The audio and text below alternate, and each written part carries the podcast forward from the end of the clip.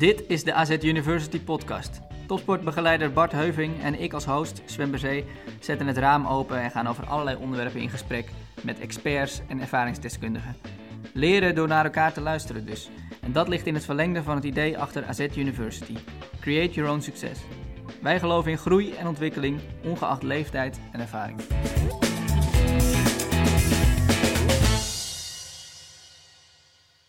Vanaf het Avals Trainingscomplex de vijfde aflevering van AZ University Podcast en de allereerste van het nieuwe voetbalseizoen, waarin voor de fan het plezier van stadionbezoek terugkeert. Over plezier gaan wij het vandaag uitgebreid hebben met Timothy Koning en dan vooral het belang hiervan in relatie tot iemands prestaties. Dat is namelijk een focuspunt in zijn werk als psycholoog. Tim is oprichter van Jaap, een sportpsychologe en samen met Michiel van Schagen schreef hij het boek De Talentformule. Tim, van harte welkom. Dankjewel. Uh, hoe gaat het met je? Eigenlijk goed. Ik heb net een weekje eh, vakantie gehad. Dus ik ben weer uh, helemaal opgeladen. En ik heb ontzettend veel zin om uh, weer fulltime echt aan de slag te gaan. Want dat heeft natuurlijk door corona wel wat voet in de aarde gehad. Daar ben ik niet de enige in geweest. Maar ik heb ik, heel veel plezier, met heel veel plezier kijk ik naar, de, naar de eerste weken van september. Dan gaat het circus weer van start. Oké, wat, wat houdt het circus dan in? Ja, veel meer uitvoerend werk. Dus de afgelopen nou, anderhalf jaar heb ik natuurlijk ook veel geschreven, waaronder natuurlijk het boek. Uh, ja, ja, gaan we zo meteen uh, meer over hebben, over uh, de talentformule.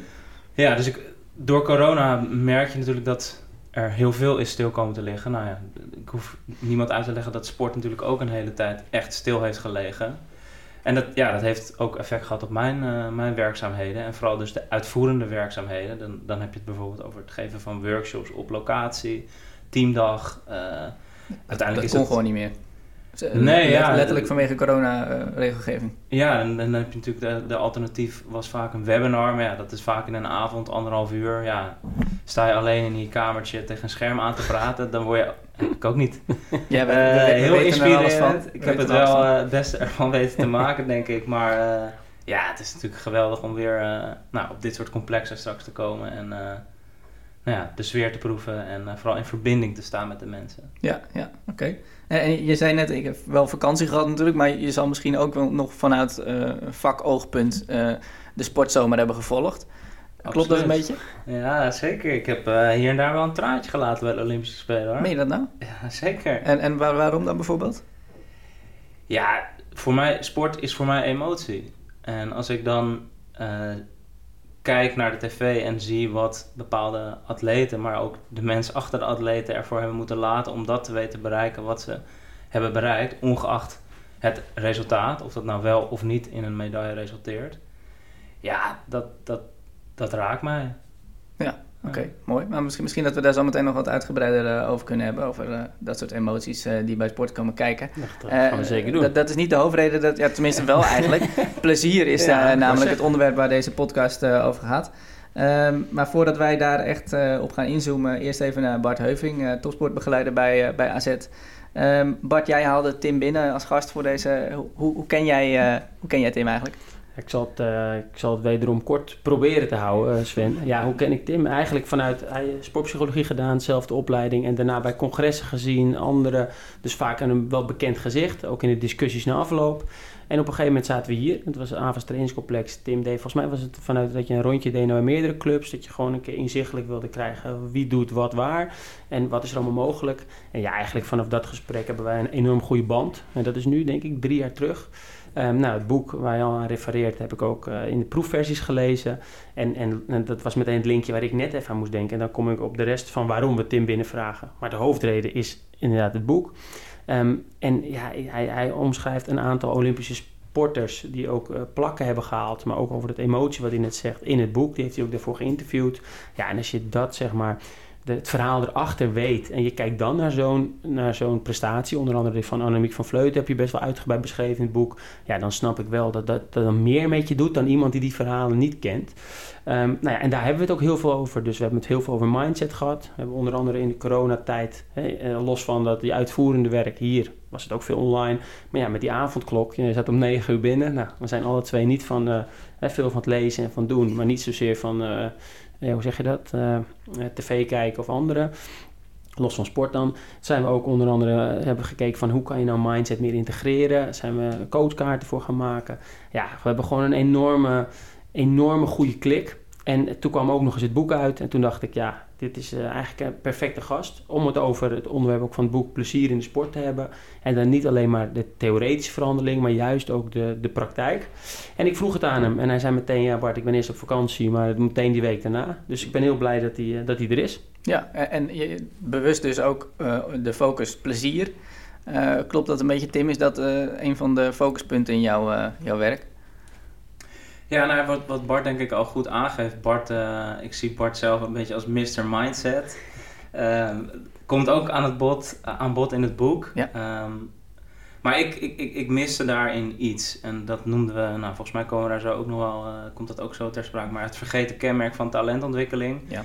Ja, ik heb natuurlijk zelf onderzoek gedaan. Niet alleen door te lezen, maar ook, nou, wat Bart ook al aangaf, een rondje gedaan. Ik heb bij heel veel verschillende clubs mee mogen kijken zelf ook ervaringen opgedaan met individuele sporters die ik heb begeleid of begeleid. Ja, en ja, dan, dan gaat mijn analytische hoofd natuurlijk ook uh, overuren maken. En toen, uh, toen poepte er eigenlijk ineens tijdens het schrijven van het boek, want we hadden het zo nog niet eens zo voor ogen dat plezier het kenmerk zou zijn. Maar door alle, alles bij elkaar te, te rapen en te, viel, dat, viel dat ineens op zijn plek allemaal. Ja. Dus zodoende kwam plezier eigenlijk als hoofdnoot uh, voor het boek naar voren. Ja, precies. Oké, duidelijk. Uh, laten we daar ook maar gewoon over, over gaan hebben dan. Uh, spelplezier. en nu, nu zullen er misschien, om eventjes lekker negatief te beginnen... er zullen misschien luisteraars zijn die zoiets hebben van... ja, plezier, leuk en aardig, maar het gaat in, in sport gaat het toch om winnen? Mm -hmm. wat denk jij dan als je dat, als je dat hoort? Nou, ik heb dat natuurlijk al heel vaak gehoord. Dus, ja. het is niet, dus ik vind het ook heel leuk dat je hier meteen mee begint. Want dan hou je de luisteraars natuurlijk wel geboeid. Dus uh, complimenten daarvoor. dan hebben we dat uh, maar gelijk gehad. precies. Maar dat is precies ook uh, een van de punten die wij maken in het boek. Want plezier wordt eigenlijk te vaak voor waar aangenomen. Van je doet topsport omdat je het leuk vindt. Wij draaien dat eigenlijk om. Omdat je ontzettend veel plezier hebt in datgene wat je het liefste doet ben je in staat om ja, een topsportcarrière uh, tot je nou, 30, 30 plus uh, vol te houden. En onze ervaringen zijn wel, en dat is niet enkel in de sport, maar ook wel echt in het onderwijs, is dat je ziet dat plezier op een gegeven moment naar de achtergrond verdwijnt. Van ja, dat plezier is niet meer belangrijk genoeg, we moeten nu echt gaan presteren. Nou, we hadden het er net in het voorgesprek ook al heel even kort over. Presteren is natuurlijk leidend. Het mooie nieuws is dat plezier er dus eigenlijk voor zorgt dat je in staat bent om tot continuerende prestaties te blijven komen. Ja. En dat is in mijn optiek een overtuiging. Dus de overtuiging dat plezier en presteren misschien niet hand in hand gaan. Dat is een overtuiging die ja, bij het gros van de mensen uh, nog wel leeft. En dat is zonde, want er zijn uh, heel veel voordelen die plezier met zich meebrengt. Ja, ik, ik zie ook wel eens een, een voetballer op tv uh, zeggen van... Uh, ja, uiteindelijk doe je toch voor je, voor je plezier. voetbal is mm -hmm. ook je hobby. Mm -hmm. uh, dus, dus klopt dat dan wel, dat dat plezier weg is bij, bij, bij sommige topsporters? Dat dat een ding is? ik denk dat, dat, omdat het beschrijven ook wel echt in het boek... er zijn talloze voorbeelden van mm -hmm. niet alleen voetballers... maar ook, nou, we hebben net ook de Olympische Spelen aangestipt... in verschillende sporten waarin het plezier uiteindelijk naar de achtergrond is verdwenen. En dat is ja, in mijn optiek een doodzonde. En dan vind ik het niet gek dat je nou, eerder stopt, veel blessures hebt, uh, een hoge mate van druk ervaart. Ja. Uh, ja, misschien inderdaad minder presteert. Nou, dan kom je ook in een visuele cirkel terecht waarin je denkt van... hoe kan het nou dat ik minder presteer? Ik ben niet ineens, hmm. wat dan ook talent mag zijn, maar mijn talent kwijt. Nou, dat zijn interessante gesprekken en dat doet natuurlijk Bart onder andere ook bij AZ hoe, hoe krijg je dan weer iemand aan de praat, letterlijk? Ja, en, en, hoe krijg je aan de praat. En, en wat ik ook heel mooi vind, het einde in het boek, dat je juist ook het preventief hebt. Ja. Hè, voordat dat gebeurt. Wat ja. kan je dan doen? En sommige dingen daarvan zijn heel logisch. Maar soms is er wel helemaal, helemaal geen of heel weinig aandacht voor. En even toch, Sven, om mezelf een beetje ook hè, omlaag te halen. Ik was ook precies iemand die in het begin, toen, toen Tim, uh, Tim en ik discussie hadden, toen had, jij mijn boek gelezen. En op een gegeven moment zei je van, ja Bart, ik geloof ook echt wel, talent is aanleg maar leervermogen. Dat was een beetje de, de hoofdmoot van, uh, van mijn boek. Toen zei je, maar ik mis toch dat stukje plezier. En eigenlijk mijn eerste antwoord was ook, ja maar dat zit in leervermogen. Want uiteindelijk, als je plezier hebt, zet je leervermogen meer in. Maar toen zei hij terecht, later, want in het begin was ik, je kent me Sven, was ik best wel veel. Maar ik zoiets van, ja, weet je, precies eigenlijk zoiets van eh, wat net een beetje te sprake komt in het voorbeeld wat jij gaf. En op een gegeven moment hadden we het steeds vaker over. Uh, ging, kwam, het was ook nog, het boek was nog lang niet af, het was eerder een paar A4'tjes met, met mensen die gesproken had. En toen triggerde mij enorm dat je op een gegeven moment ook had gezegd, tuurlijk, aanleg is belangrijk, leervermogen is belangrijk, maar plezier is eigenlijk de brandstof.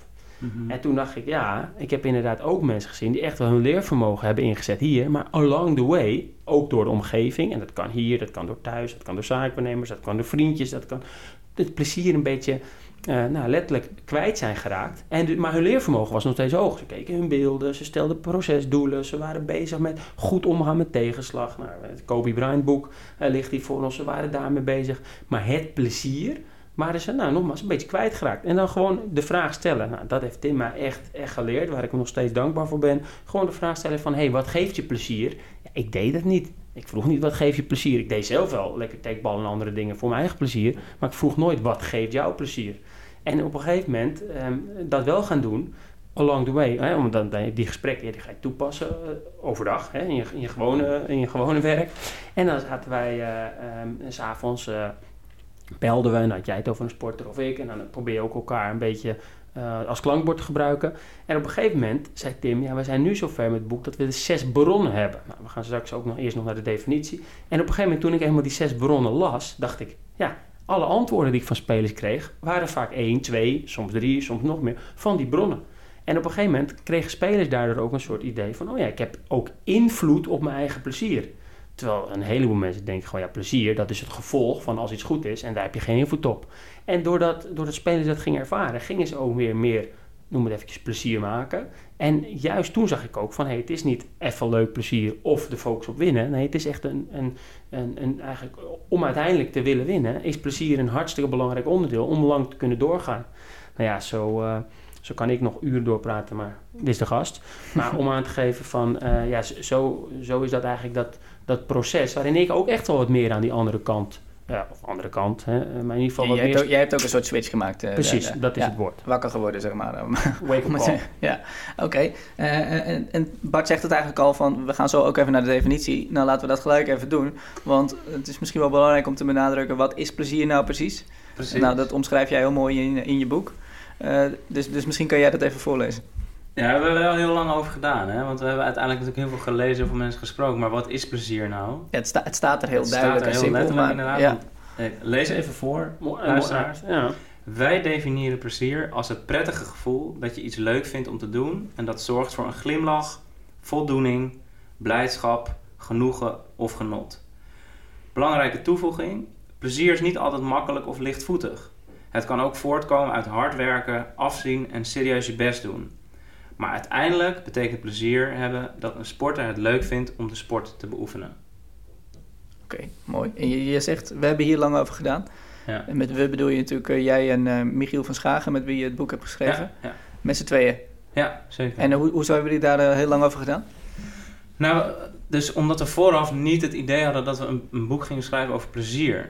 Dus we hebben, eigenlijk is de, de vraag, de startvraag ooit geweest, wat is nou eigenlijk talent?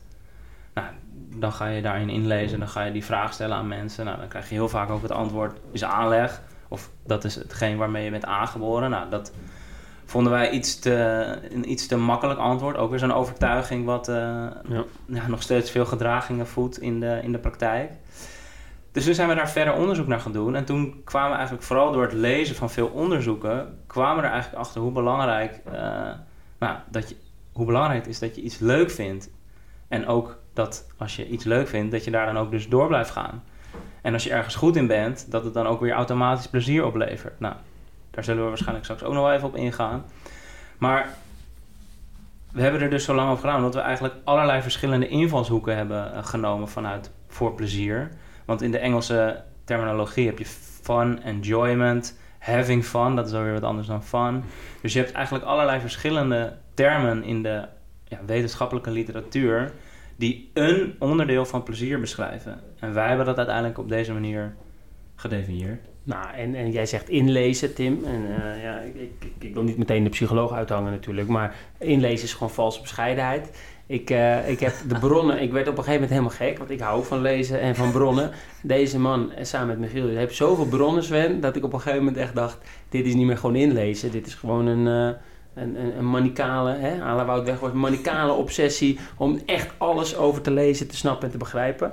En, en ja, dat is... Um, het leuke is, dat is heel hard werken. Maar waarschijnlijk haalden jullie met z'n tweeën daar ook weer een bepaalde plezier uit. Hè, wat niet wil zeggen plezier is, dus uh, wat er ook mooi in het boek terugkomt. Plezier is alleen maar eventjes naar buiten gaan en dit. Nee, plezier kan je ook halen uit juist het helemaal willen begrijpen. En uiteindelijk dit, uh, dit oplevert. Maar inlezen is echt uh, te zacht uitgedrukt. Ja, precies. En, en nou, uiteindelijk, volgens de talentformule zijn er dan zes pijlers van, van mm -hmm. plezier. Mm -hmm. Is dat misschien belangrijk dat we dat ook even gelijk benadrukken? Of? Ja, zeker. Leuk. Laten we dan beginnen bij de talentformule. Uh, waarbij Bart natuurlijk al noemde, het startpunt is ooit geweest, talent is aanleg keer leervermogen. Ja. Nou, wij hebben daar eigenlijk plezier en een omgeving aan toegevoegd. Nogmaals, het hoofdnoot is plezier. Maar uh, de factoren die inderdaad dus bepalend zijn voor jouw talentontwikkeling, zijn dus eigenlijk die vier factoren die ik net noem. Nou, als we dan plezier uitlichten, dan hangen daar dus zes bronnen van plezier onder. Die uiteindelijk dus je mate van plezier die je ervaart, uh, ja, bepalen. Ja. Nou, dat zijn uh, autonomie, verbinding, uitdaging, ontwikkeling, uh, beweging en uitdaging. En die moeten allemaal aanwezig zijn eigenlijk? Of, of is dat, uh, of, of, die bepalen nee, de mate van plezier, zeg jij? Eigenlijk? Ja, en het ja. mooie is dus dat het ook per, nou, bijna, mm -hmm. bijna per, per leerjaar of per, per periode waarin je ook in je carrière zit. Want er worden natuurlijk in, in je carrière ook op verschillende momenten andere dingen van je gevraagd. Ja. Dat je dus ook weer een, een, ja, een switch kan krijgen tussen, tussen die bronnen. Dus het kan zo zijn dat jij bijvoorbeeld heel erg veel plezier houdt uit uitdaging en verbinding. En dat Bart juist eigenlijk heel erg uit ontwikkeling en autonomie plezier haalt. Maar dat het misschien over twee jaar tussen jullie eigenlijk wel weer radicaal veranderd is. Dat jij dan ineens uit ontwikkeling en autonomie plezier haalt. En Bart juist uit die verbinding en uitdaging. Dus dat, dat, ja, dat kan veranderen. Maar het is, het is dus, dat is het mooie wat Bart net ook zei. Dat je je eigenlijk bewust leert zijn van waar je nou plezier uit haalt. En ook wanneer dat verandert. En ook dat je dat deelt. Want het kan ook een heel, heel veel inzichten geven aan de trainer of aan je medespelers. Die je daarin dus ook kunnen stimuleren. Ja. Nou ja, nou. Dat, dat precies wat je nu zegt. Daarmee geef je eigenlijk iemand, en het kan de trainer zijn, maar ook de sporter, eigenlijk de, de, de, de controle in handen. Ja. En, en, juist, hè, net de definitie vind ik mooi. Maar ik zei toen al tegen, tegen Tim, wat ik veel mooier vind, zijn die zes bronnen. Want ik hou uiteindelijk van dingen praktisch toepassen. Mm. En de definitie voorlezen aan de speler, ja, dan zegt hij ja of nee. Ja. Hè, of heb je een discussie over wat ook leuk kan zijn. Maar juist die, die bronnen, dat op een gegeven moment iemand ook denkt, ja inderdaad, die autonomie. Ja, die, dat, dat, is een beetje weggeraakt. Door, hè, en dat kan honderden factoren zijn. Of juist dat stukje beweging. Van ja, wat vond ik eigenlijk het allermooiste aan, aan voetbal? Dat, dat kan je along the way kwijtraken. Juist omdat het zakelijker wordt. Juist omdat je het vaak doet. Juist omdat misschien teamgenoten, hè, niet altijd dat tijd gebeurt, maar een beetje klagen over dingen. En ja, dan, hij ligt voor ons, het Kobe Bryant boek. Uh, de Mama Mentality, toch wel een van mijn favoriete boeken, maar zeker favoriete biografie.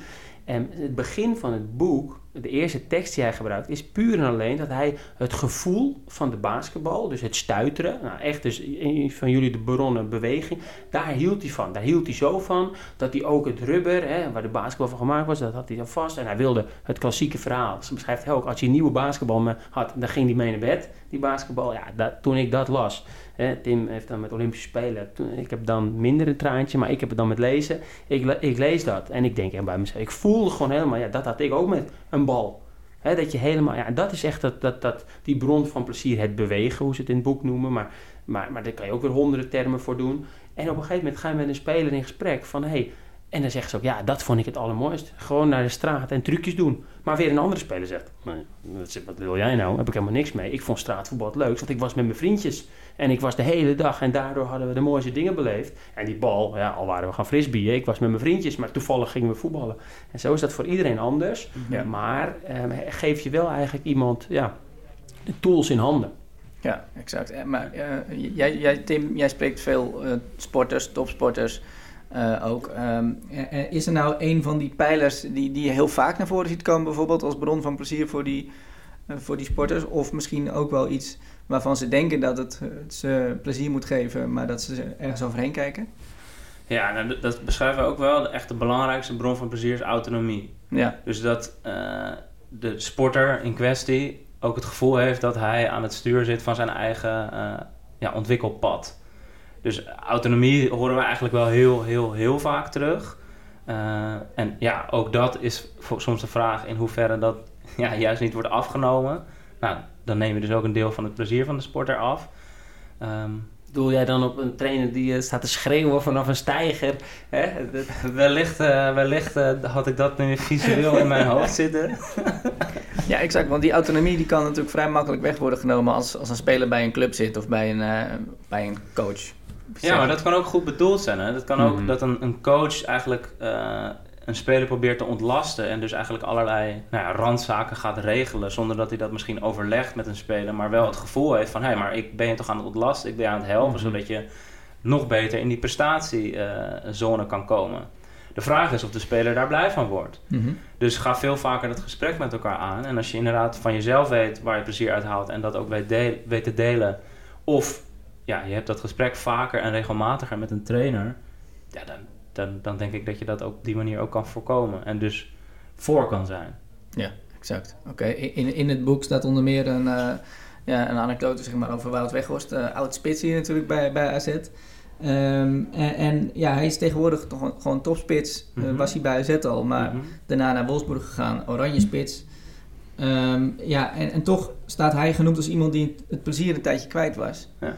Um, heeft hij dan een bepaalde omslag moeten maken, waardoor hij dat weer gevonden heeft. Ja, en dat, en dat beschrijven we ook in het boek. Dus echt het allerlaatste, twee pagina's volgens mij van het hoofdstuk, waarin Wout Weghorst centraal staat. Uh, daar geeft hij ook zelf aan in een interview twee, drie jaar uh, nadat hij eigenlijk bij AZ is vertrokken. Dat hij op een gegeven moment zo, zo nou, Bart zei het net al, maniacaal eigenlijk met zijn eigen ontwikkeling bezig was. Dat hij eigenlijk blind was geworden van wat er nog meer belangrijk was. Dus ja, het leervermogen is ontzettend belangrijk. Maar je moet het uiteindelijk ook met anderen op het veld doen. En je moet het uiteindelijk ook met ja, misschien mensen om je heen doen die ja, je ook helpen bij dat ontwikkeling. En je ook op een gegeven moment ook een spiegel kunnen voorhouden. En ja, dat heeft uh, Wout denk ik moeten leren. Nou, dat heeft hij mogelijk te danken aan zijn leervermogen. Maar hij heeft uiteindelijk ook aangegeven dat nou, het liefde voor het spelletje voor hem eigenlijk zo cruciaal was. En dat hij op deze manier zo, nou, zo maniacaal met zijn sport bezig zou zijn, had misschien kunnen betekenen dat hij op zijn derde had zeggen: jongens, ik ben opgebrand, ik ben er klaar mee. Ja. En dat zou natuurlijk zonde zijn geweest. Zeker als je kijkt naar überhaupt zijn, zijn pad. Want hij is volgens mij pas op zijn 18 en 19 even uit mijn hoofd uh, bij een BVO terechtgekomen. Ja, dat laat, bloeien Best uniek. Ja. Ja, zeker. Mhm. en, en ik denk dat een, een beetje een vergelijkbaar uh, verhaal. Uh, Jan van Halst, die hebben wij hier in, de mhm. eerste, in de allereerste aflevering van AZ University Podcast uh, een paar maanden terug gehad. Ja. en, en die vertelde daarin ook dat hij in zijn tijd als speler bij FC Twente eigenlijk het plezier was kwijtgeraakt. Mm -hmm. En hij staat ook in het dankwoord van, van jouw boek. Mm -hmm. zijn dit soort praktijkvoorbeelden zijn die ook heel belangrijk voor, voor jouw werk? ja. En, en voor dit soort, om dit soort verhalen geloofwaardig te kunnen maken, bijvoorbeeld. Ja, absoluut. En ik denk dat dat ook het krachtige is. Want kijk, je kan natuurlijk vertellen van jongens, nee, het, plezier en presteren gaan mhm. hand in hand. Dat is belangrijk. Maar ik vind het nog veel sterker, ook vanuit wetenschappelijk oogpunt, is dat je ook de negatieve consequenties daarin meeneemt. Dus als je het, een gebrek aan plezier hebt, wat daarvan de gevolgen zijn. Dus op die manier werkt het eigenlijk twee kanten op. Aan de ene kant dus negatief, aan de andere kant positief. Nou, dat vind ik een mooi rond verhaal. En Jan van Hals is daar ook een heel mooi voorbeeld van geweest, die ons ook een beetje op dat spoor heeft gebracht. Van hé, hey, als je geen plezier ervaart, ja, dan, dan verzuren je benen na een half uur op een partij. Dan ervaar je zo'n hoge mate van druk, ja, mhm. die je misschien ook van binnenuit oplegt of van buitenaf wordt opgelegd. Ja, daar is op een gegeven moment niet meer mee om te gaan. Nee, en als je dan niet terug in je, presta in je prestaties, letterlijk wat hij dan ook zegt, toch? in die, in die, uh, want hij is in de podcast geweest, maar dan nog, nog even een kleine waardering naar jou. Uh, eens, de, wij proberen, we proberen, hè, Sven, jij, jij doet dat beter en meer dan ik, maar ons voor te bereiden door wat dingen te lezen, uh, artikelen, uh, podcast, andere mensen over de gast spreken. En onder andere voor Jan van As hebben we jullie van Jaap artikel nog gelezen. Ja. ja. dat was voor tijdens het gesprek heel fijn. En juist dat stukje wat daar ook in stond, hij wilde zo graag goed presteren. dat hij uiteindelijk het plezier kwijt was geraakt, waardoor hij eigenlijk minder goed presteerde. Ja, en die koppeling dus tussen, waar ik me ook een beetje altijd dacht, ja, plezier, weet je wel, prima. Maar, maar later ging naar de nee, het is juist ook als onderdeel om te presteren. Dus zelfs als jij zegt, nee, ik wil dit, bij Jan van Alst, ja, eh, los van dat hij het ook geweldig kan vertellen. Mhm. Ehm, ja, ik denk dat dat, dat dat heel goed werkt. En dat andere spelers, ik heb dat artikel, hebben wij toen eh, besproken, maar dat stuur ik ook wel eens naar een speler. Ja. Het, soms is het heel moeilijk te zeggen, ja, naar een speler, jij hebt dit ook, maar la- laten we het maar lezen. En welk artikel doe je er nog? En dat was het artikel eh, waarin eigenlijk Jan van Hals beschreef ehm, dat hele proces. Ja, Over bij precies. Twente, plezier kwijt, donderdagochtendgevoel. Ja, dat hij op donderdagochtend op de training kon hij, eh, Ja. speelde iedereen eh, van het veld bij wijze Zullen van wij, de- zullen het artikel, dames en heren, in de show notes zetten. Dat Nou, gaat dat- tot op heden nog niet heel goed bij ons, maar dit is weer een mooie kans. Dat lijkt me een goed plan, inderdaad. Dan, dan kunnen mensen die, die alsnog even lezen. Maar inderdaad, donderdagochtend eh, Nou ja, kon hij vlammen op de training. En op zondagmiddag ja, stond hij klem zeg maar, op het veld. Ja. Dus eh, eh, net had je het al eventjes over je verwees leven naar de Olympische Spelen. Mhm. Eh, niet alleen dat je ervan genoten had, maar volgens mij noemde je ook indirect een voorbeeld. Misschien dat je het Mhm. over eh, Simon Biles had. Een voorbeeld van iemand die, ja, die toch voor haar mentale gesteldheid kiest. en het plezier blijkbaar ook kwijt was. Ja. Is dat waar je het over had net? Ja, on- onder andere. Dus eh, we hebben eh, ons beperkt in het boek echt op, op het gebied van Nederlandse eh, sporters. Mhm. Nou, daar zijn ook een aantal eh, voorbeelden van langsgekomen. Noem een Anouk Vetter, noem een Tom Dumoulin, die zich ook echt daadwerkelijk hebben uitgesproken. Nou, er zijn, die hebben dan niet op de Olympische Spelen meegedaan, maar Michel Mulder en Alice Lichtley en Celeste Plak en Lonneke Sloetjes. Allemaal topatleten in verschillende takken van sport, die zich eigenlijk echt, echt hebben uitgesproken over het gebrek aan plezier of het gebrek aan autonomie. Waardoor ze een tijdje zijn gestopt, soms zelfs volledig zijn gestopt. eh, Mhm. weer terug moesten naar, oké, waarom, doe ik, waarom doe ik dit eigenlijk? Ja. Nou, dan was eigenlijk stevast het antwoord bij deze atleten die ik nu even noem. Altijd eh, de liefde voor het spelletje, het plezier. Ja. En daar is Simone Biles inderdaad nu ook een goed voorbeeld van geweest. Toevallig eh, ja, had ik het, het voorrecht om ook op RTL Nieuws daar iets over te mogen vertellen. Van joh, zij vroegen mij ook, ze stelde mij ook de vraag van joh, wat vind je daar nou eigenlijk van? Nou, toen was mijn antwoord, eh, blijft hetzelfde als dat het nu is. Dat het natuurlijk heel dubbel is. Want Mhm. zij wil natuurlijk laten zien op de Olympische Spelen wat ze waard is. Daar heeft ze natuurlijk ook nou, in ieder geval Mhm. vijf jaar naartoe gewerkt. Ze was op de vorige Spelen de, de allerbeste eh, atlete, volgens mij zelfs, van die Spelen.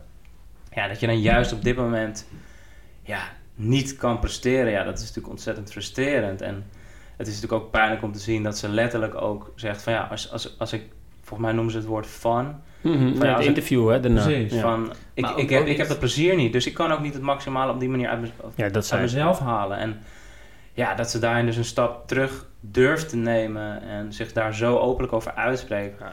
Ja, daar, daar kan je eigenlijk alleen maar respect voor hebben. En, en het is misschien niet los te zien van dat succes. Hè?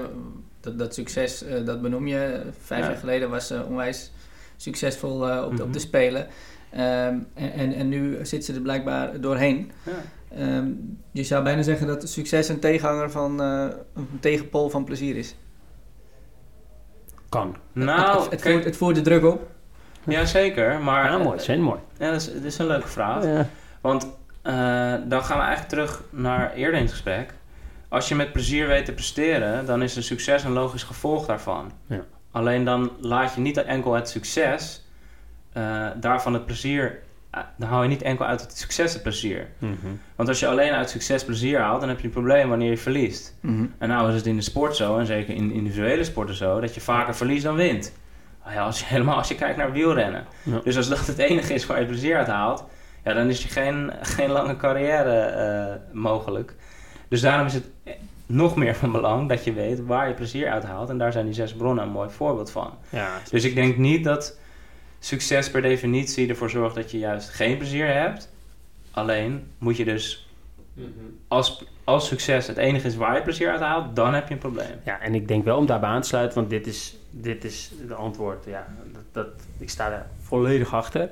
Maar ik denk wel, en ik denk misschien dat een beetje is waar, waar Sven op doelt. En we hadden hem verderop, maar dan gooi ik hem er nu in.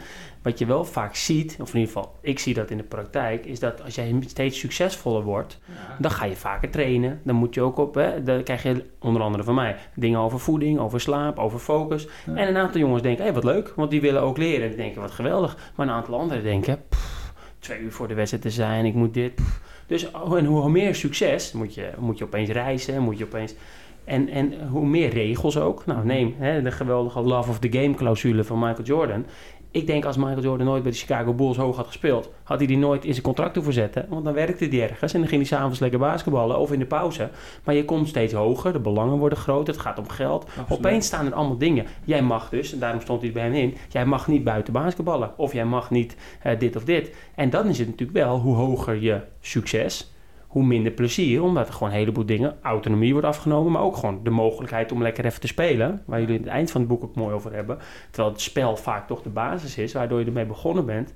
Nou, dat stukje qua regeltjes, maar ook qua druk van buitenaf. Hè? En dat is denk ik bij, bij, bij Simone het geval ook geweest. Ja, wat nou als de druk van de hele natie, van het hele team, van de hele... Ja, dan zie je wel dat succes in ieder geval zorgt of er in ieder geval voor kan zorgen dat, dat dat plezier wat weggaat. Maar niet omdat je het niet meer leuk vindt, maar omdat je gewoon heel veel stress krijgt van, van wat er allemaal van jou afhangt. En dan, kan en dan is het juist belangrijk om bijvoorbeeld iemand te hebben zoals, zoals eh, Timothy, die met jou zit over die bronnen van plezier, maar zeker ook met je omgeving, met je trainer, met je Mhm. ouders. Want misschien bedoelen ouders het goed van, hè, we gaan dit en dit. Ik denk zomaar eventjes, om hem toch maar erin te gooien, dat André Agassi's vader het goed bedoelde. Mhm. Maar ja, als jij alleen met André Agassi was gaan zitten, ja, dan is het ook heel fijn dat je ook met die ouders eh, dingen bespreekt. Ja, en dat, eh, die, die mate van hè, plezier meenemen in het bredere plaatje, ja, vind ik, heb ik in ieder geval van het boek geleerd. Want meestal wordt het toch gezien inderdaad als ja, plezier of dat is er, want daarmee ben je begonnen. Of je moet niet zo zeuren, je hebt een, eh, een contract, je mag de hele dag voetballen, plezier is er toch wel. En juist die twee, hè, Mhm. die, die- die- die twee Ja, mooi, zeg maar denkfouten, ja, Ja. dat is gewoon zonde. En nog even terugkomen op succes in, in lijn met wat Bart zegt. Succes kan inderdaad natuurlijk zorgen voor druk. En als die druk te, te hoog of te groot wordt, dan kan het er inderdaad natuurlijk voor. Maar ik, dan geloof ik eerder dat dat van buiten, buitenaf komt. Ja. Eh, en dan, dan kan het inderdaad ervoor zorgen dat nou, je, je autonomie dus wordt afgenomen. En dat is toevallig ook een bron van plezier. Ja. Waardoor je plezier weer afneemt. En dan kan je ook weer minder goed met die druk omgaan.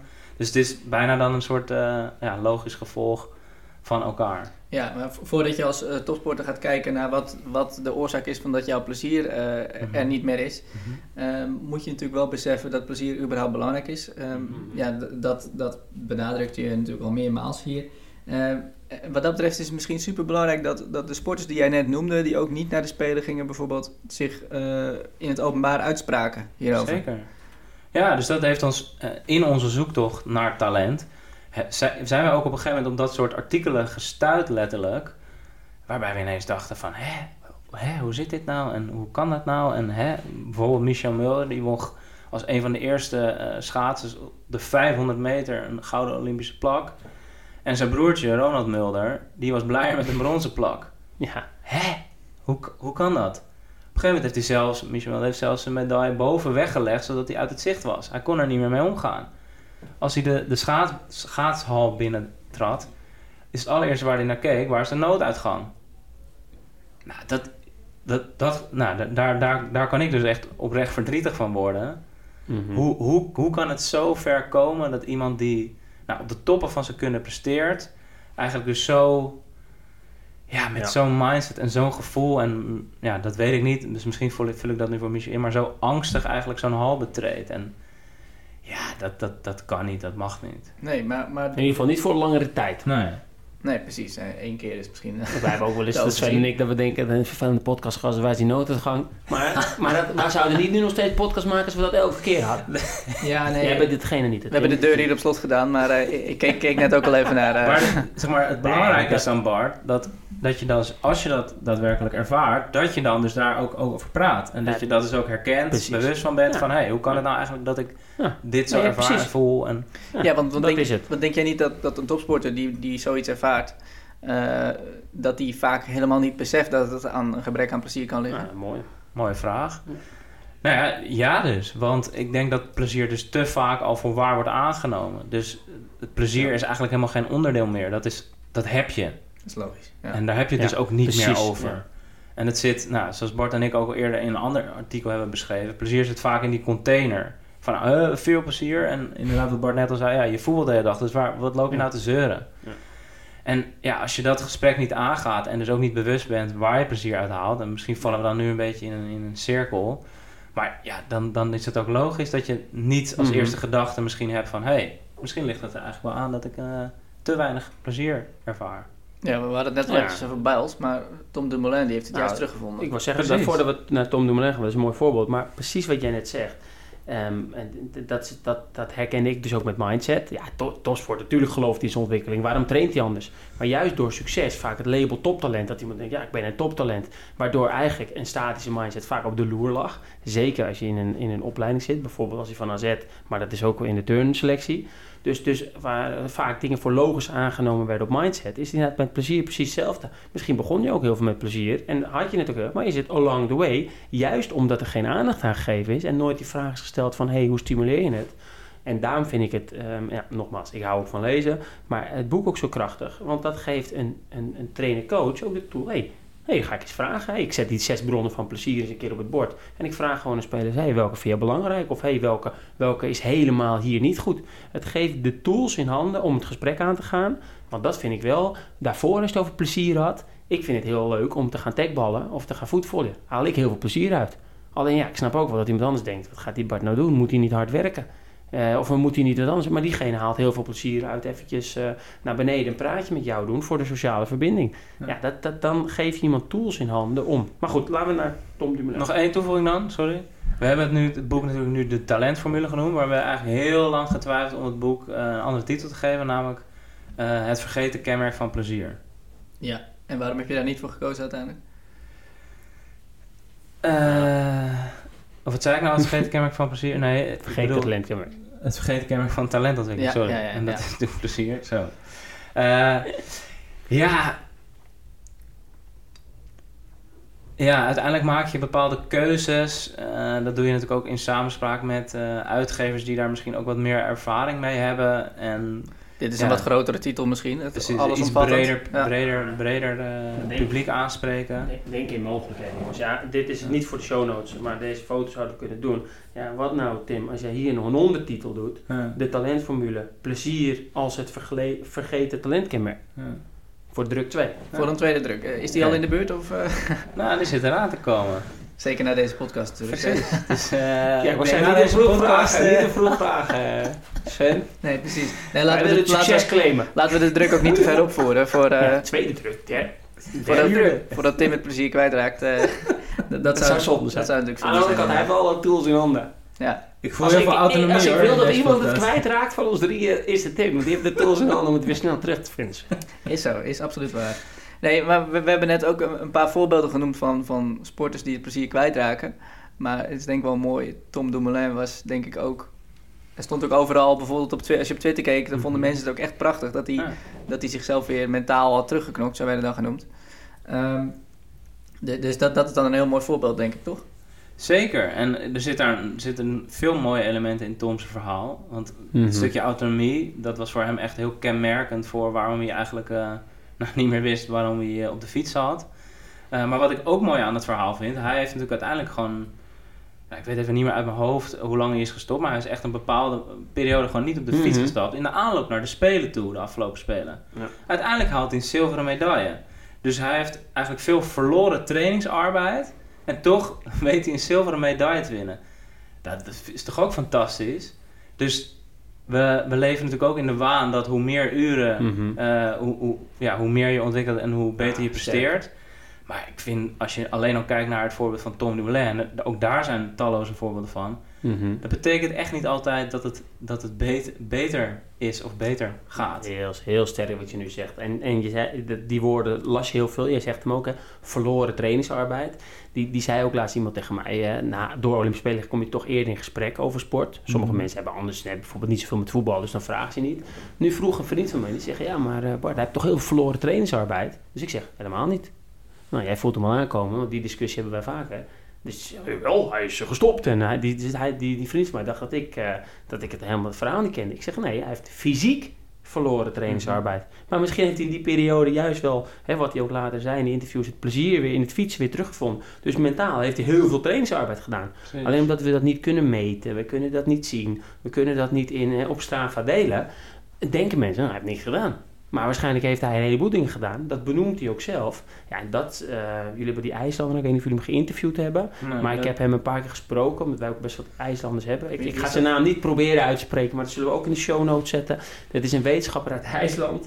En die heeft heel veel onderzoek gedaan naar het sportsucces van IJsland. Maar dat dat juist vaak komt omdat ze veel meer in de jeugd plezier de ruimte geven. En die, die zegt letterlijk, volgens mij in ieder geval koppel ik nu aan hem, dat het sport op een gegeven moment zo mechanisch is geworden. Ja. Dat het allemaal meten en dingen. En juist omdat je dit soort gesprekken over plezier niet kan meten. Ja, we kunnen vragen bij sturen welke bronnen, maar het is eerder vaak de gesprekken en conceptueel. Hij zegt letterlijk dat het zo eh, mechanisch is geworden, waar gewoon niet alle sporters, want sommigen vinden het heerlijk. Die vinden het heerlijk om Strava te delen of hun hartslag te zien of dit. Maar een aantal jongens hebben daar niks mee, of meisjes. En dat, vond ik, eh, dat vind ik in zijn verhaal. En hoe er al vanuit gegaan wordt dat het verloren is. Ehm, ja, precies. ehm, en met wij het daar buiten ook veel over gehad, buiten deze podcast. Ja, als we dat nou eens zouden kunnen veranderen, Mhm. hè, dat, dat dat niet wordt dus gezien als verloren. Want als je, als jij altijd een sporter wordt, ah, verloren tijd, ga je zelf ook misschien denken, oh ja, het is dat verloren en kan dat wel en mag dat wel en eh, heeft dat dan wel effect? Wat, wat Maar dan krijg, je ook de in, dan krijg je natuurlijk ook het gevoel van ja, ik kan dat nooit meer inhalen. Precies, ja. Ik en dat, ja. dat werkt eigenlijk heel demotiverend, ook Precies. voor je eigen ontwikkeling. Dus het- Maar mooi, dit is wel mooi. Dit is hierbij de, de shout-out om, om, voor toch als gast Tom Dumoulin. Ik bedoel, we hebben vorige keer Slatan eh erin gegooid en nog iemand. Nou, er, er is al een hebben link. nog niet gereageerd. Er is al een link Maar- met AZ natuurlijk, want Bruno Martens Indy heeft natuurlijk op het, eh, op het trainingskamp in Epe heeft hij eh, op zijn fietsie, is volgens mij te zien op YouTube van AZ, heeft hij Dumoulin nagedaan. Nou, waarom ik hem ook een beetje... Nou ja, zeker. Dat was Misschien mooi. wel ik was zelfs bij. Ik heb het gezien. Ik werd alle kanten ingehaald. Ik, was, ik scoorde laag. Ehm, maar nee, nou komt hij. want we hebben het er nu over om het super... Ik in ieder geval het super interessant vind. Tim weet ik het ook zeker. Nou, Sven, van jou durf ik ook in het vuur te, te steken. Maar juist ook waar sommige sporters ook heel gek van worden... is dat iedereen maar analyses doet en andere dingen. Terwijl je het liefst natuurlijk aan diegene kan vragen. Dus hierbij eh, nogmaals eh, de oproep, eh, Sven. Tom Dumoulin, als je luistert, bel ons. nee, ik Nou, heb, ik heb zijn telefoonnummer nog niet vandaag. even bellen, hoor. Ja, ik, ik heb zijn telefoonnummer niet, maar wellicht niet. we daarna Nog niet, Sven. Nee, eh, eh, mooi. Eh, eh, over het meten van plezier gesproken, is dat, zal dat ooit mogelijk zijn en heeft dat nut? hmm, complexe vraag. Ja, dat is misschien wat... eh, Nee, wel, wel interessant. Ik ben alleen nu wel aan het nadenken wat ik daarvan van van vind. er is nog geen mogelijkheid, toch Bart? Om het plezier te meten? Ik, eh, ik, ja, ik, Tim, ik, moet, ik, ik ben nog te veel aan het woord. Ik merk het dan al. eens. Maar ik Nou, ga, er kijk, één, dus- ik ga er nog kijk, één dus- ding over zeggen. Eh, binnen de, de zes bronnen van plezier zijn er drie bronnen, bronnen die eigenlijk gekoppeld zijn aan de zelfdeterminatietheorie. Nou, daar zijn heel veel vragenlijsten van. Dus daar kan je letterlijk inderdaad natuurlijk met vragenlijsten kijken hoe, hoe ze daarop scoren. Maar ik vraag me af... Mhm. eh, Moet je het of, willen? Precies. Of vragenlijsten eh, nodig zijn om... Ja. Dan proberen we eigenlijk weer alles te vangen in, in, Mhm. in, in, in, in iets. Mhm. Eh, nou, daar had Bart eh, voor de luisteraars eh, twee, drie dagen geleden ook een heel mooi voorbeeld van gepost op zijn social media. Ja, ik, ik vraag me af of we dat willen. Kijk, uiteindelijk zijn we ook wel bezig met een opleiding om dus coaches en trainers meer mee te nemen in plezier en hoe belangrijk dat is. En ook hoe je dus aandacht kan besteden aan die zes bronnen van plezier. Maar ik denk vooral dat het werk wat Bart en ik doen eigenlijk heel belangrijk is om daarin het aspect plezier ja, blijvend in mee te nemen. En als je daarin dus ook coaches en trainers blijft meenemen, dan ja, is het een continue, eh, continu gesprek Ja. eh, wat, wat gaande blijft gedurende de carrières. Waarbij je van verschillende kanten misschien ook verschillende inzichten krijgt. Dus ik vraag me af of we dat moeten willen meten. Ja. Als we maar bewust zijn dat het een, een blijvend gesprek is wat eh, nooit stopt. En, Ja, en dat een aantal het meten vind ik zeker goed. Hè? Dus de wetenschappers om het belang, nou, een aantal studies waar je aan refereert, zeker meet het. Eh, dat is ook het doel deels van de wetenschap. Maar wat, waar, waarom ik zelf denk minder snel meten en moet je dat inderdaad willen, is stel nou dat je in de praktijk werkt als sportpsycholoog en eerst heel veel gaat meten. Ja, dan, dan voor je het weet besteed je al je tijd aan meten en heb je minder tijd om het uiteindelijk echt hè, goed te stimuleren, het plezier, Mhm. waar we aan het eind van de podcast even eh, ook nog een stapje naar maken natuurlijk. Ehm, ja, en ik moet meteen weer denken aan een van de bekendste quotejes, of, of bekendste, ik vind het een van zijn bekendste quotejes van Einstein. Ehm, niet alles wat je, of eh, laat ik het anders zeggen, laat ik het goed zeggen, dat is het betere woord. Ehm, sommige belangrijke dingen in het leven kan je niet meten. En daardoor gaan wij dingen die je kan meten heel belangrijk maken. En even, hè, nou ja, Tim, ik weet inmiddels, hè, wij zijn, Nou, beide, wij zijn beide vader. Hè? En, eh, eh, en dat is natuurlijk het mooiste wat er is, om hem er even in te gooien. Maar Sven, ehm, daar hebben we het ook vaak over gehad. Ja, liefde voor je kind, kan je dat meten? Nee. In ieder geval niet snel of niet makkelijk. Maar moet je het willen? Waarom? Het wordt er niet meer of minder van, de liefde voor je kind. Plus, ehm, ja, weet je, dit, dit, dit, zo, zie, zo zie ik het met dit soort begrippen ook. Gaat het op een gegeven moment snel meten? Stel nou dat jij wat invult en daar uiteindelijk, jij hebt gewoon plezier, maar jij vult in en jij scoort net wat lager dan gemiddeld. Want anderen, misschien vullen anderen het wel oneerlijk in. En op een gegeven moment zien wij dat jij geen plezier hebt. En wij, Sven, heb jij nog wel plezier? Ja, ja, gaat goed. Nee, maar hier staat dat jij geen... En voor je het weet wordt dat belangrijker, omdat jij aan een normaal curve gekoppeld wordt. En kom je helemaal niet meer van dat label af dat Sven geen plezier heeft. En dan word je gedwongen om plezier te hebben. Dat nou, of juist, of juist word je gedwongen in het hoekje van Sven heeft geen plezier, we moeten hem helpen. Dat jij denkt, wat hier aan de hand? Ja, dus nee... Uh, exact. Ja. Maar uh, hoe doen we dat eigenlijk bij? Uh, spelers, jeugdspelers met name bijvoorbeeld helpen als, uh, om, om plezieromgeving ik, te creëren? Uh, ik moet heel eerlijk zeggen, nou, daar heeft het boek dus mij echt in geholpen. Om gewoon die vraag vaak te stellen. Of het, niet eens per se het boek, maar de, de, discussie die we hadden. Gewoon, wat geeft jou plezier? Dat stelde ik niet snel. Welke overtuiging heb je? Hoe zie je leefstijl? Wie is jouw voorbeeld? Toch echt die leervermogen vragen. Mm -hmm. Ik stelde weinig die vraag. Dus dat heeft het mij in ieder geval geholpen. En zou ik ook een tip willen meegeven. Dat deden we maar is altijd namens jezelf en dat op zich praten deed ik gewoon nog te weinig. Er zijn ook echt wel trainers die dat al heel goed deden, kwam ik dan later achter. Um, ja, en wat wij wel, vind ik, goed doen, is de ruimte geven om te spelen. Kijk, wij hebben een tekbaltafel staan, voetvolleyveldjes, een schaakbord bij het eerste, daar andere tafeltennis. Wij hebben een omgeving gecreëerd waarin spelen um, mag, kan, maar we ook heel vaak mee gaan spelen. En dan denk je van mensen, ja, het is niet mee gaan spelen. Maar juist door mee te spelen... Kom en dan heb je het over de trainers die mee De trainers, ja. maar ook... Uh, ik heb laatst zag ik de buschauffeur uh, voor het busje vertrokken. Een soort panna voetbal spelen met iemand bij het busje. Um, juist do door, door daar de ruimte voor te geven. Met de playground is daar ook een mooi voorbeeld van. En we creëren wel de omgeving. Maar binnen die omgeving is er autonomie wat jij wil gaan doen. Ja, ik, ik merk gewoon aan alles. En dat is ook omdat ik een vervent spelletjesliefhebber ben. Um, ja, ik, ik vind dat we dat stukje heel goed doen. Dus die vragen had nog wat meer gekund ernaar, maar in de omgeving zit dat. En, en met het eerste ook op trainingskamp stonden er allemaal spelletjes klaar. Misschien ken je het, cornhole heet het volgens mij. Moet je een zak met pitten door een gat heen gooien. Je denkt eerst, wat is dit nou? Eh, maar het stond er. Je gaat op een gegeven moment toch denken, nou ik ga het eens doen. Maar de lol die we daar gehad hebben Sven, met dat spel. En, en, en dan komt hij, um, dat is een mooi bruggetje. Uiteindelijk, juist de lol die je dan hebt. Sommige mensen denken, oh, ze zijn spelen, maar ze moeten rusten. Ja, misschien is het voor de fysieke spieren op dat moment beter om even te liggen. Aan de andere kant, een klein beetje doorbloeding kan ook geen kwaad. Maar mentaal eh, was het zoveel lol. Hè, en, en, en die Bronner en Bill theorie hebben we ook klaarstaan. Dat dat voor sommige jongens, die kwamen naar de spelletjes, zag je gewoon. Nogmaals, je kon het weer niet meten. Maar je zag aan alles, die zaten er veel lekkerder in. Ja. En dat is een, een, een spel dat je echt denkt, wat is dit? Ja, jij, jij gooit hem er al in, de Bronner en Bill theorie. Uh, in jouw boek uh, valt daar wat over te lezen. Um, ja, plezier uh, vergroot ons leervermogen. Dat, dat, dat, dat is een centrale gedachte in het werk van Barbara Fredrickson. Uh, beroemd in de positieve psychologie, zoals jij dat ja. schrijft. Maar hoe, hoe werkt dat precies, die theorie? Dat is, dat is wellicht wel interessant om hier...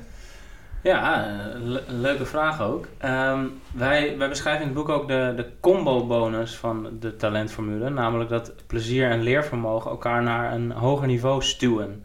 Dus wanneer je plezier hebt uh, leer je eigenlijk sneller, efficiënter. En wanneer je ontwikkelt, ervaar je plezier. Dus het is eigenlijk een, zoals ze dat dan in, in onderzoeksliteratuur zeggen, een two-way interaction. Waarbij ze dus uh, nou, voor een combo-bonus zorgen. En ik denk dat Bart daar net ook een mooi voorbeeld van geeft. Uh, als je je ontwikkelt, ervaar je plezier. En dan is het dus wel belangrijk om te weten waar je je in wil ontwikkelen. En de andere kant op, dus als je plezier hebt, ontwikkel je sneller. En is het ook belangrijk om te weten waar je plezier uit haalt. Ja. Dus dat, dat, dat is hem eigenlijk kort uitgelegd. Ah, dat, dat is de Broden en Beeld uh, theorie al. Ja. ja en en dat, was een, dat was ook wel inspiratie dus uh, voor jouw eigen werk. Ja, ontzettend. Want ja. dat is natuurlijk een, een, enorm mooie koppeling met mijn ander uh, ja, lievelingsthema, de groeimindset. Want eigenlijk zien we hier de groeimindset keer plezier uitgelegd. En ja, dat is natuurlijk waar Bart en ik het ook al veel over mm -hmm. hebben gehad. En als je die twee samenbrengt, ja, dan, dan heb je denk ik een gouden formule voor en, talentontwikkeling. En nu uh, mogen we elkaar, nu lachen we ook. Maar in het begin waren de discussies ook Sven. Hè? Nu, hij kwam zeggen, Tim zegt nu mooie vraag. Wij hebben een aantal discussies gehad met elkaar. Dat we, was het, misschien waren de vragen achteraf gezien wel mooi, maar we merkten elke keer, ik ben uh, de groeimindset adept, om het maar zo te zeggen. Ik heb die bril op, zie het overal. Um, en voor mij was dat plezier daarin. Mhm. Ik had zoiets. En, maar op een gegeven moment kwamen we er steeds meer achter. Nee, het zijn wel twee losse begrippen. Of we, ik in ieder geval. En, en, en voor je het weet, eh, ga je ook echt zien in de praktijk, omdat je het er zelf veel over hebt, van hé hey, ja, alleen een groeimindset is niet genoeg. Je zal ook echt dat plezier moeten behouden qua duurzaam. Hè, dus op de lange termijn beter te presteren. Dat is een stukje beeld van die Broaden en Beeld theorie. Maar heel kort, en dat vond ik een hele mooie, want ik, ben, ik heb de theorie wel ooit gehoord, maar en wel een beetje over gelezen, maar nooit echt verdiept voor in de praktijk. Maar dat stukje broaden, wat blijkt nou, en, en daar, toen heeft Tim me echt geraakt, dat als jij positieve emoties hebt door plezier, dan is je aandacht verbreed en kan je dus ook veel creatiever en flexibeler in het veld keuzes maken. Als we het even over voetbal hebben, maar dat geldt voor meerdere sporten. Juist doordat positieve emoties dus je aandacht verbreden, broaden. Terwijl negatieve emoties, als jij geen plezier ervaart, nou, en dat herken ik meteen toen hij het zei, gaat je aandacht vernauwen. Dan wil je misschien wel goed presteren, maar omdat je je niet goed voelt, je aandacht vernauwt en je presteert gewoon minder. Je bent minder creatief. En toen we het daarover hadden, nou dat is denk ik alweer uh, anderhalf jaar terug of nog langer, toen moest ik meteen denken, toen hij dat zo vertelde, aan Ronaldinho. Een van de meest creatieve voetballers ooit. Ook mm -hmm. bekend met zijn lach, van zijn plezier. Maar een groot deel dus van zijn creativiteit komt ook echt door het plezier. Mm -hmm. En niet, en dat staat in het boek als quoteje, vond ik heel mooi. Plezier is, wordt nog wel eens bij ons gezien als een soort toetje. Nou, als je een hele training hebt gespeeld en het is allemaal hard werken, dit, dit, dit, dit. En aan het eind, nou, dan mogen we een partijtje en bij ons, dan, bedoel, dan bedoel je in, in de sportwereld. In de sportwereld, ja, ja precies. Ja, dus dan wordt, dan wordt plezier nog wel eens bijna dat je het moet verdienen. En ja, toen we het over die Broaden en Beeld theorie hadden... en ik zag het Ronaldinho voorbeeld voor me... merkte ik ook opeens, ja... ik ben ook meer vanuit leervermogen en dingen... maar want ik haal daar ook plezier uit. Uit dingen lezen, uit dingen um, analyseren. Maar er zijn dus ook een heleboel spelers... die halen echt plezier uit... uit à la Ronaldinho trucjes en, en, en dingen doen... en krijgen al een hekel aan een warming-up en andere dingen. Ja, toen dacht ik opeens, hé... Hey, als dat ook nog eens wetenschap, we zien het in de praktijk, Ronaldinho, maar die Broaden and Build theory laat het ook. En dan is meten natuurlijk wel fijn hè, voor de wetenschap, dus dat is top dat het er is. Die gaan het ook nog eens meten en komen met verklaringen. Ja, werelds. Ja, ja. Okay. Ja, en uh, dat is ook wel leuk voor de luisteraars. Ronaldinho heeft een uh, brief geschreven aan zijn, aan zijn younger self. Ja. Ik zou hem echt aanraden om die brief te lezen. En daarin... Uh, daar, die, die, heeft ja. hij in de tijdmachine gestopt of zo? nou, nee, dus die heeft hij geschreven toen hij klaar was met voetbal. En toen heeft hij zichzelf eigenlijk een advies gegeven aan nou, de, de, de nog jeugdige, talentvolle voetballers van nu. De Ronaldinho's van morgen, inderdaad. Precies. Ja. En ja, daarin beschrijft hij heel treffend uh, hoe belangrijk plezier voor hem is geweest. En altijd ja, dat het ook de reden is waarom hij zo ver is gekomen. Maar vooral ook dat dat altijd leidend moet blijven en zijn. En dat je je niet moet laten afleiden door uh, wat anderen van je willen, verlangen, vragen. Nou ja, je ja, snapt... Het, de, de, de, het is echt topbrief. Plus, Ronaldinho is ook degene om nog extra shout-out naar hem te doen. Ook leuk als hij wil komen naar Dumoulin slaat dan. Uh, de, een van degenen die natuurlijk het techbal bekend heeft gemaakt. Want hij heeft een techbaltafel in zijn, of in zijn huis, in zijn tuin staan. En hij was aan het spelen en er kwam letterlijk een speler, ik vergeet het nooit, of twee spelers, Thijs Oosting en Peer Koopmeiners, die kwamen naar mij toe. Ze zaten alle twee toen nog in de jeugd. Hé hey Bart, moet je eens kijken man, dit, dat is toch vet hè, dat. En ik zag dat, ik denk wow, ah, zag je Ronaldinho genieten. Maar je zag ook een leuk spelletje, waarin je ook nog je leervermogen treedt, namelijk je techniek. En uiteindelijk is het door dat filmpje, wat zij toen aan het hek hier lieten zien, dat wij uiteindelijk die twee techbaltafels hebben staan. En, en, en, en voor degene hè, die niet hier vaak komen, ik, ik zit vaker aan bij de techbaltafel dan in het, uh, in het kantoor. Dan in je eigen kantoor, inderdaad. Ja, precies. Daar moeten we het inderdaad uh, hierna nog even over hebben. Maar, uh... niet, stuur het niet door naar de directie. nee, precies. Dan, nou, we hebben ook een e-sporter. Het is helemaal niet gek als je ook een techbalspeler hebt. Nou, precies.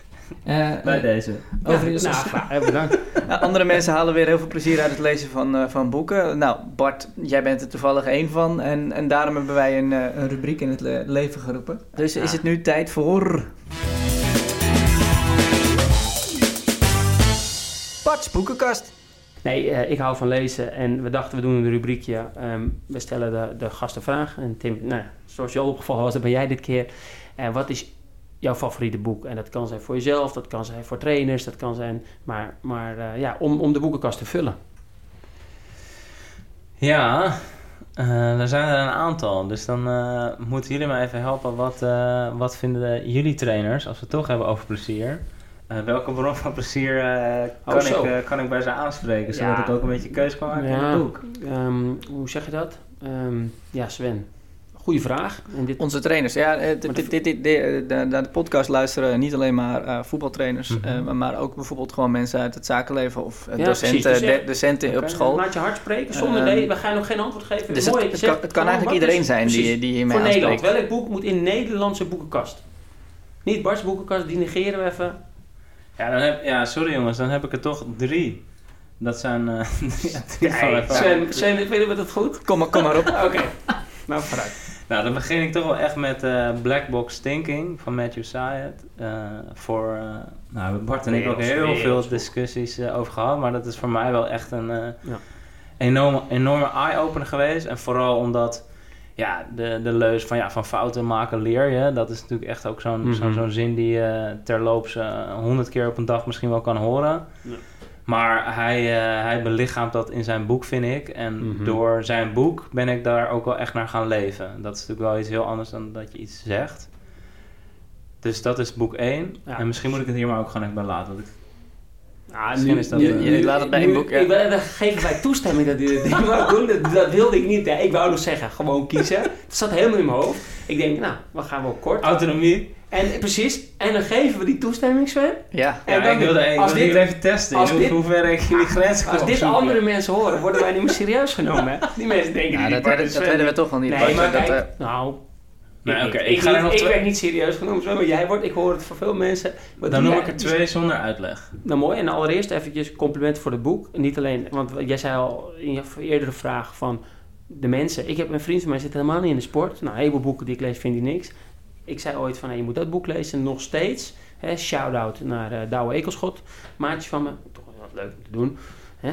En die zei ook letterlijk van, ja, dit, dit, dit, dit- heb, je, heb je meer van dit soort boeken? Nou, andere dingen, maar Ja. hij hebt niet, niet echt veel. Ja, Dit is echt, ja. En ik heb hem al, dus eh Ja. scheelt ook weer geld. Maar, maar, maar Ja. Tim, jij gaat nog twee titels eh, eh, Zeker. roepen voor, voor de grote lees, eh Ja, ja, er leeswurmen, bij mij ook ineens ingedaald gedaald waarom ik deze drie boeken zo belangrijk vind. Omdat ze alle drie eigenlijk een bepaalde overtuiging eh, slechten. Ja. Of neerhalen. Mhm. Oké. Want de tweede is Range. En die eh, haalt eigenlijk een overtuiging neer dat... eh, ja, de, de subtitel is How Generalists eh, Triumph in a World of in a Specialized World. Van wie is dit boek? Van eh, David Epstein. Andere Epstein dan, hè? Precies. Niet de Epstein, Geen, geen, Niet de niet, niet Epstein. related. Ehm, maar wat ik zo fantastisch aan dat boek vind, is dat hij eigenlijk met ontzettend veel eh, voorbeelden, of het nou het onderwijs, bedrijfsleven of sport is. Dus nou, dat is precies de doelgroep, denk ik, eh, van, van deze podcast die, eh, die deze luistert. Ja. Ja, is dat hij eigenlijk laat zien dat een, een, een bredere ontwikkeling en een, een, een bredere opleiding eigenlijk ja, je veel flexibeler maakt, veel creatiever, je veel makkelijker ook nieuwe dingen laat leren. Ja, dat, als we het over sport hebben, is dat natuurlijk cruciaal om uiteindelijk te bereiken wat je wil bereiken. Dus boek Ah, 2. dit- en toch weer, ja, sorry Tim, ik, ik, ik, ik, ik moet reageren nu van mezelf.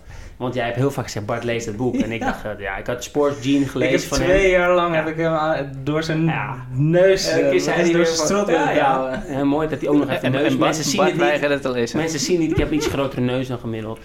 Maar nee, ehm, en Tim kijkt recht naar mijn neus, daarom zei hij neus. Ja, jammer Tim dit, jammer dit. heel, hè? Ja, jammer, ik- nee, ehm, Tim zei het heel vaak en ik heb de Sports Gene gelezen van David Epstein. Goed boek ook. Alleen, ja, ik, ik, ik, ik dacht van, ja, heeft hij dat geschreven? Weer die. Dus ik had de hele tijd zoiets van, mhm. Uiteindelijk bleef hij het maar zeggen, tot op het punt dat hij echt zei van, ja Bart, weet je, anders ga ik hem nu voor je kopen, want, want dit, je moet hem gewoon Praat lezen. je meer met je? Nee, precies, want daar kunnen we het er ook over hebben. Uiteindelijk ben ik het gaan lezen. En nou, eh, niet normaal. Maar nog moois, daarom breek ik toch weer even in. Eh, excuses, Tim.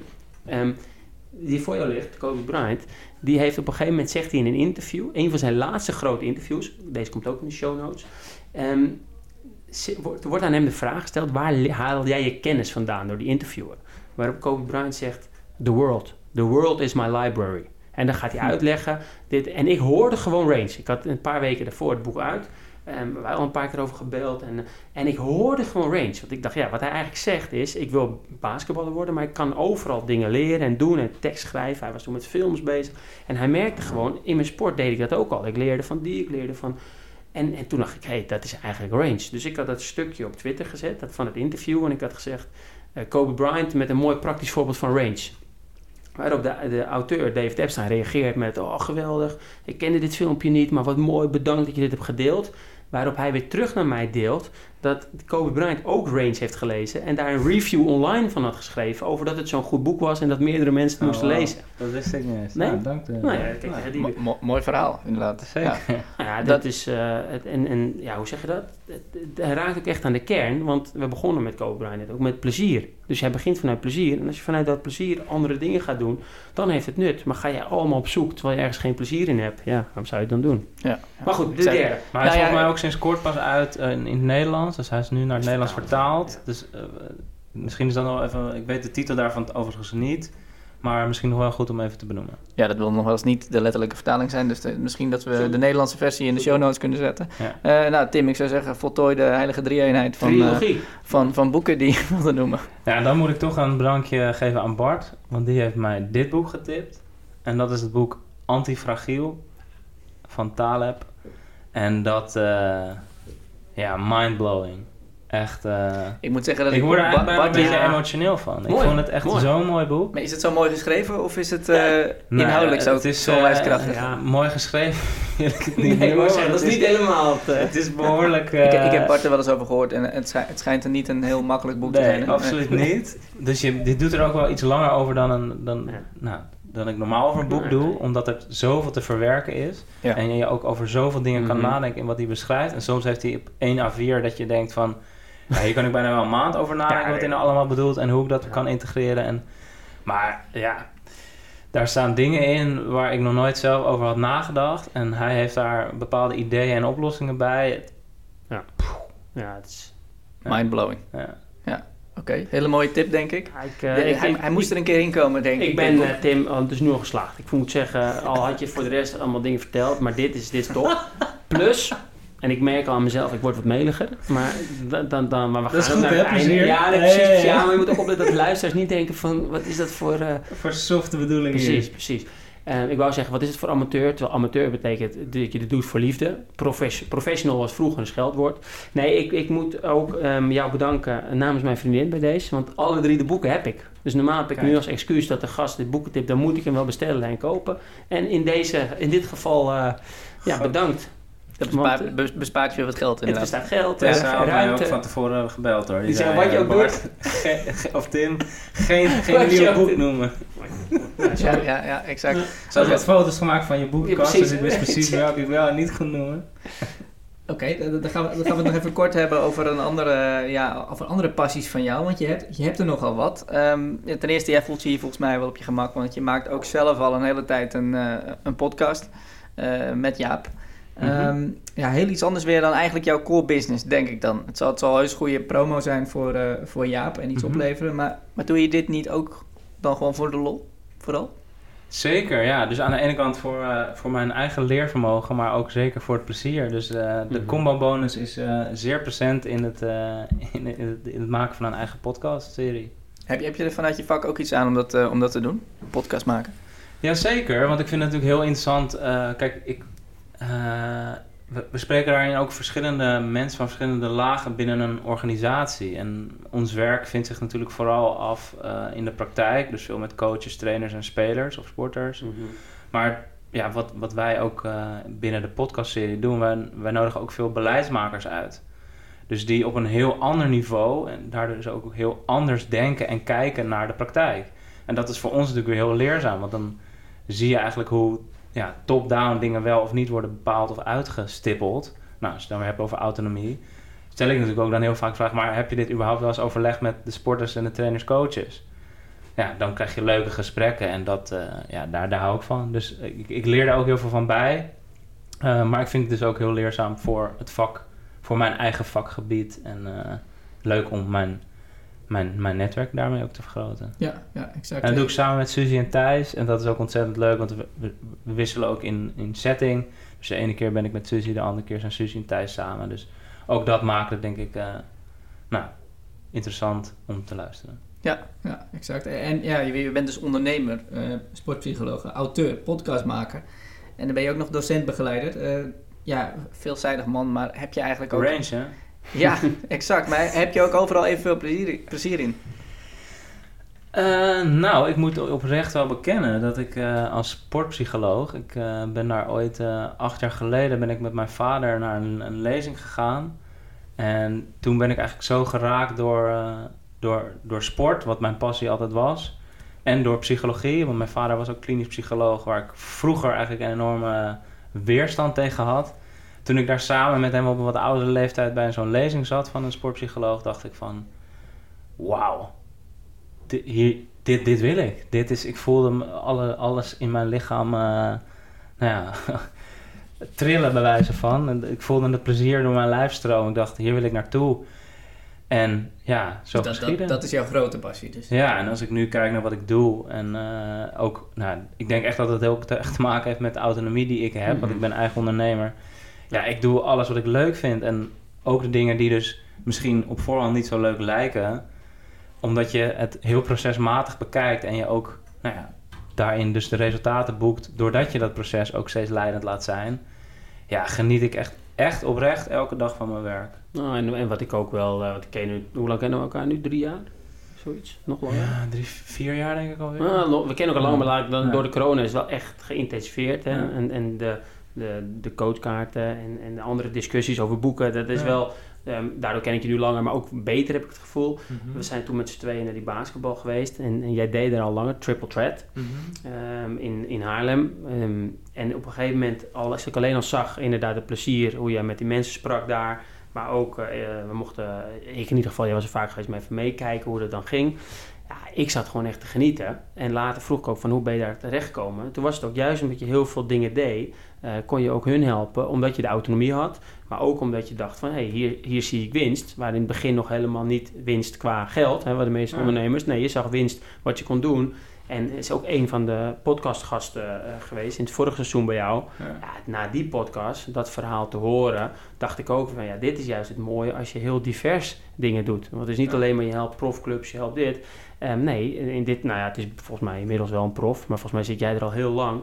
En juist als je dat uh, doet, ik heb daar heel veel van geleerd. Alleen al van die ene training te kijken en de discussie die we, die we na de training hadden. Ja, ik kwam hier weer met heel veel plezier. En ik zei ook tegen een paar mensen, ik zei, nou, we moeten echt nog een keer met wat trainers heen of diegene hierheen halen. Want zo'n, het is Haarlem, het is een uh, 30 minuten rijden max.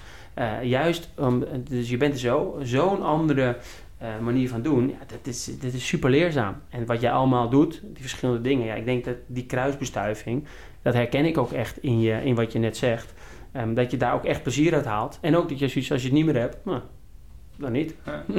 Helpt ook. Ja, ja. oké. En, en, ja, Haarlem, Haarlem bij de les dus. Ga je daar dan hetzelfde te werk als... Uh, als wanneer je als sportpsycholoog uh, te werk gaat bijvoorbeeld? Ja, ik ben, niet meer, ik ben niet meer werkzaam bij Haarlem bij de les. Okay. Ik ben op papier eigenlijk nog eigenaar van, van het bedrijf. Ja. Uh, maar ik ben niet meer actief als uh, begeleider, docent. Ik, wat ik nu eigenlijk doe daar is, ik, ik coach de, de, docenten eigenlijk. Nou, dat doe ik heel erg vanuit de filosofie van de groeimindset en plezier. Dus uh, indirect heb ik daar nog wel een, een, rol van betekenis, maar ja, die is wel echt heel beperkt. Die is nou, nu in de, in de voorbereiding op het nieuwe schooljaar is die iets, ja. iets frequenter, ben ik iets actiever. Maar gedurende het schooljaar hè, laat ik eigenlijk heel veel autonomie bij de docenten. En ja, uh, ja. ja vinden nou, zij dat ook ontzettend fijn. En natuurlijk, ze kunnen me altijd bellen, dat weten ze ook, dat doen ze ook. Was het ook uh, bij de filosofie inderdaad om, uh, om ze toch ja, die autonomie te geven, denk Maar dat is, dat is natuurlijk wel... kijk, ik, ik, kan een boek schrijven en ik, ik, ik, kan er met Bart vaak over praten. Maar practice what you preach, ook weer zo'n dooddoener. Maar ja, niet voor niks een cliché, omdat het waar is. Precies, ja. dus uh, ik probeer dat zoveel mogelijk te doen, maar daarin uh, ja, heb ik ook nog genoeg bij te leren. Uh, word ik af en toe ook terecht gewezen. En ja, ik, ik, ik groei daarvan, ik hou daarvan. En ja, ik hoop dat ik de filosofie die ik beschrijf en uit wil dragen ook nou, belichaam. Ja, ja, exact. Maar om toch, toch eventjes over onderwijs dan... Ja eh, te hebben in de huiswerkbegeleiding, onderwijs. Ja. Ehm, ja, is dat in combinatie met plezier, is dat net zo'n uh, logische combinatie als sport en plezier in jouw ogen? Minder. Uh, dat heeft natuurlijk vooral mee te maken omdat het begint natuurlijk al bij het begin. School moet. Dus hoe je het went of keert, je hebt een leerplicht tot, je, tot en met je zestiende. Dus je moet naar school. En binnen sport heb je eigenlijk een keuze in welke sport je gaat doen. Maar, maar zou er dan binnen het onderwijs niet even goed moeten worden getriggerd om uh, dat, dat mensen er plezier in hebben?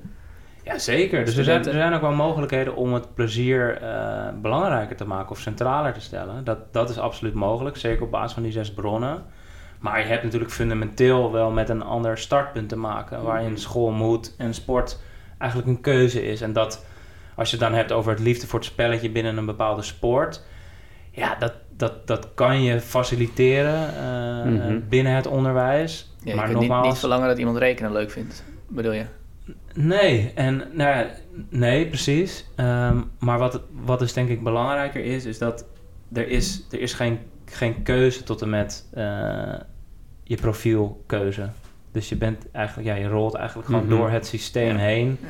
En binnen dat systeem kan je inderdaad absoluut plezier meer faciliteren. Precies. Ja. Maar het, het fundamentele is wel echt iets anders. Ja, maar ik denk daarin, Tim, wat precies wij het is zeker fundamenteel anders. Maar wat je, waar je eigenlijk mee eindigt net, binnen dat systeem zou het wel meer kunnen. Maar aan het einde van je boek zijn echt wat meer de praktische tips. Nou, ik denk dat we voor nu, dus, dus kom zeker nog een keer terug, dat, dat, dat, het, uh, dat we dan te lang weer gaan om die allemaal door te nemen. Maar ik heb ze gisteravond en vanochtend nog uitgelezen.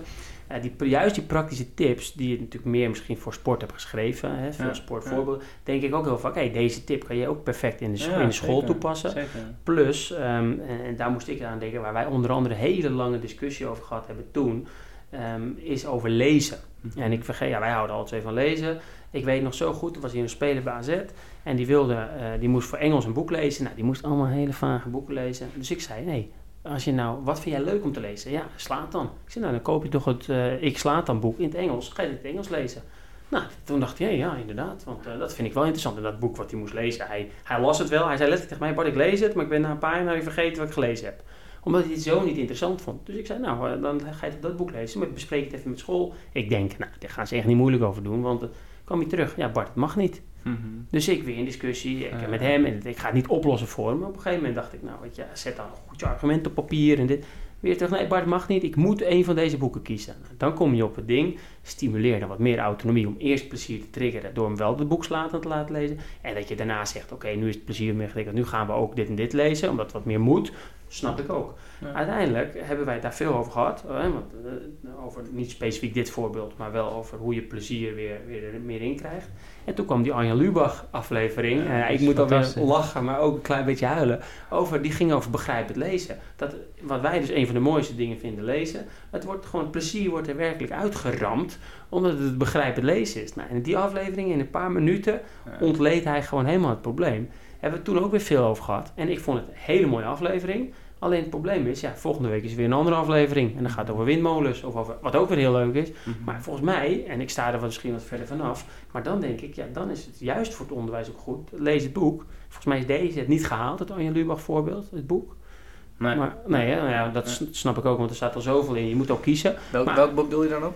Nee, het Anja Lubach uh, boeken voorbeeld. Ja? Dat, dat is, nee, hij, hij, het was in geen, de show notes. Het was uh, in de show Nee, het was gewoon een stukje dat hij in zijn show ging vertellen.